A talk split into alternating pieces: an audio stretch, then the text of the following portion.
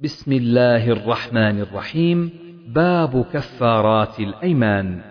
وقول الله تعالى فكفارته إطعام عشرة مساكين وما أمر النبي صلى الله عليه وسلم حين نزلت ففدية من صيام أو صدقة أو نسك. ويذكر عن ابن عباس وعطاء وعكرمة ما كان في القرآن أو أو فصاحبه بالخيار. وقد خير النبي صلى الله عليه وسلم كعبا في الفدية. حدثنا أحمد بن يونس حدثنا أبو شهاب عن ابن عون عن مجاهد عن عبد الرحمن بن أبي ليلى عن كعب بن عجرة قال أتيته يعني النبي صلى الله عليه وسلم فقال ابن فدنوت فقال أيؤذيك هوامك؟ قلت نعم. قال فدية من صيام أو صدقة أو نسك. وأخبرني ابن عون عن أيوب قال صيام ثلاثة أيام والنسك شاة والمساكين ستة. باب قوله تعالى قد فرض الله لكم تحلة أيمانكم والله مولاكم وهو العليم الحكيم. متى تجب الكفارة على الغني والفقير؟ حدثنا علي بن عبد الله حدثنا سفيان عن الزهري قال سمعته من فيه عن حميد بن عبد الرحمن عن أبي هريرة قال جاء رجل إلى النبي صلى الله عليه وسلم فقال هلكت؟ قال ما شأنك؟ قال وقعت على امرأتي في رمضان. قال تستطيع تعتق رقبة؟ قال لا. قال فهل تستطيع أن تصوم شهرين متتابعين؟ قال لا. قال فهل تستطيع أن تطعم ستين مسكينا؟ قال لا. قال اجلس. فجلس. فأتي النبي صلى الله عليه وسلم بعرق فيه تمر والعرق المكتل الضخم. قال خذ هذا فتصدق به. قال أعلى أفقر منا؟ فضحك النبي صلى الله عليه وسلم حتى بدت نواجذه. قال أطعمه عيالك باب من أعان المعسر في الكفارة. حدثنا محمد بن محبوب حدثنا عبد الواحد حدثنا معمر عن الزهري عن حميد بن عبد الرحمن عن أبي هريرة رضي الله عنه قال جاء رجل إلى رسول الله صلى الله عليه وسلم فقال هلكت فقال وما ذاك؟ قال وقعت بأهلي في رمضان.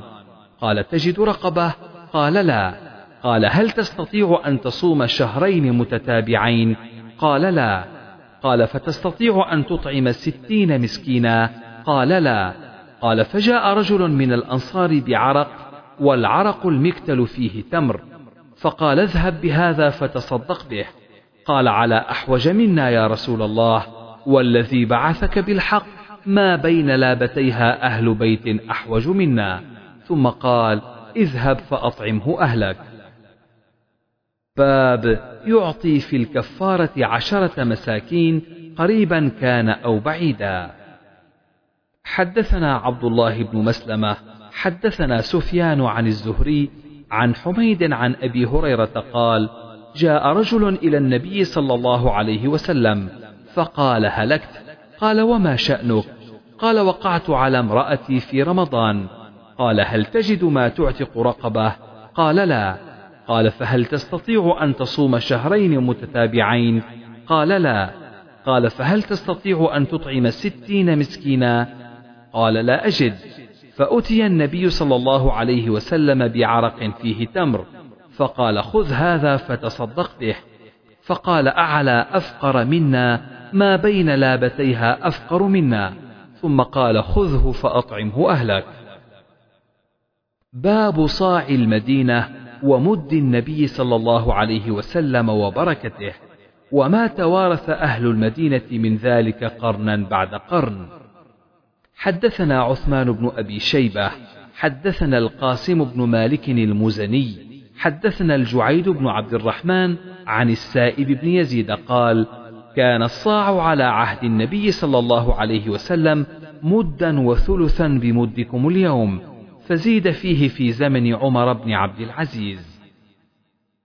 حدثنا منذر بن الوليد الجارودي حدثنا أبو قتيبة وهو سلم حدثنا مالك عن نافع قال كان ابن عمر يعطي زكاة رمضان بمد النبي صلى الله عليه وسلم المد الأول وفي كفارة اليمين بمد النبي صلى الله عليه وسلم.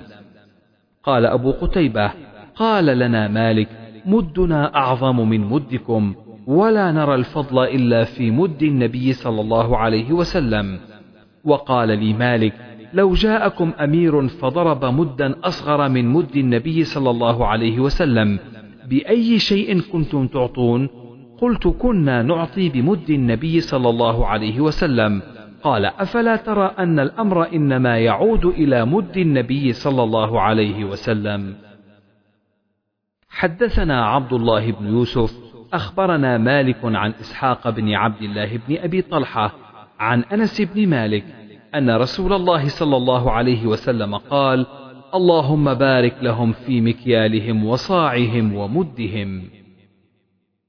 باب قول الله تعالى أو تحرير رقبة وأي الرقاب أزكى. حدثنا محمد بن عبد الرحيم. حدثنا داود بن رشيد حدثنا الوليد بن مسلم عن أبي غسان محمد بن مطرف عن زيد بن أسلم عن علي بن حسين عن سعيد بن مرجانة عن أبي هريرة عن النبي صلى الله عليه وسلم قال من أعتق رقبة مسلمة أعتق الله بكل عضو منه عضوا من النار حتى فرجه بفرجه. باب عتق المدبر وأم الولد والمكاتب في الكفارة وعتق ولد الزنا. وقال طاووس يجزئ المدبر وأم الولد. حدثنا أبو النعمان أخبرنا حماد بن زيد عن عمرو عن جابر أن رجلا من الأنصار دبر مملوكا له ولم يكن له مال غيره. فبلغ النبي صلى الله عليه وسلم فقال من يشتريه مني؟ فاشتراه نعيم بن النحام بثمانمائة درهم. فسمعت جابر بن عبد الله يقول عبدا قبطيا مات عام أول. باب إذا أعتق في الكفارة لمن يكون ولاؤه؟ حدثنا سليمان بن حرب حدثنا شعبة عن الحكم عن إبراهيم عن الأسود عن عائشة أنها أرادت أن تشتري بريرة فاشترطوا عليها الولاء. فذكرت ذلك للنبي صلى الله عليه وسلم فقال اشتريها إنما الولاء لمن أعتق. باب الاستثناء في الأيمان. حدثنا قتيبة بن سعيد حدثنا حماد عن غيلان بن جرير عن أبي بردة بن أبي موسى عن أبي موسى الأشعري قال أتيت رسول الله صلى الله عليه وسلم في رهط من الأشعريين أستحمله فقال والله لا أحملكم ما عندي ما أحملكم. ثم لبثنا ما شاء الله فأتي بإبل فأمر لنا بثلاثة ذود فلما انطلقنا قال بعضنا لبعض لا يبارك الله لنا. أتينا رسول الله صلى الله عليه وسلم نستحمله فحلف ألا يحملنا. فحملنا فقال أبو موسى فأتينا النبي صلى الله عليه وسلم فذكرنا ذلك له فقال ما أنا حملتكم بل الله حملكم. إني والله إن شاء الله لا أحلف على يمين فأرى غيرها خيرا منها إلا كفرت عن يميني وأتيت الذي هو خير. حدثنا أبو النعمان حدثنا حماد وقال إلا كفرت يميني وأتيت الذي هو خير أو أتيت الذي هو خير وكفرت حدثنا علي بن عبد الله حدثنا سفيان عن هشام بن حجير عن طاووس سمع أبا هريرة قال قال سليمان لأطوفن الليلة على تسعين امرأة كل تلد غلاما يقاتل في سبيل الله. فقال له صاحبه قال سفيان يعني الملك قل إن شاء الله. فنسي. فطاف بهن فلم تأت امرأة منهن بولد إلا واحدة بشق غلام. فقال أبو هريرة يرويه قال لو قال إن شاء الله لم يحنث وكان دركا في حاجته. وقال مرة قال رسول الله صلى الله عليه وسلم لو استثنى. وحدثنا أبو الزناد عن الأعرج مثل حديث أبي هريرة. باب الكفارة قبل الحنث وبعده. حدثنا علي بن حجر حدثنا إسماعيل بن إبراهيم عن أيوب عن القاسم التميمي عن زهدم الجرمي قال كنا عند أبي موسى وكان بيننا وبين هذا الحي من جرم إخاء ومعروف. قال فقدم طعام. قال وقدم في طعامه لحم دجاج. قال وفي القوم رجل من بني تيم الله أحمر كأنه مولى.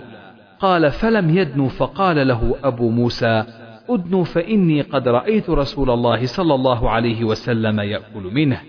قال إني رأيته يأكل شيئا قذرته فحلفت ألا أطعمه أبدا.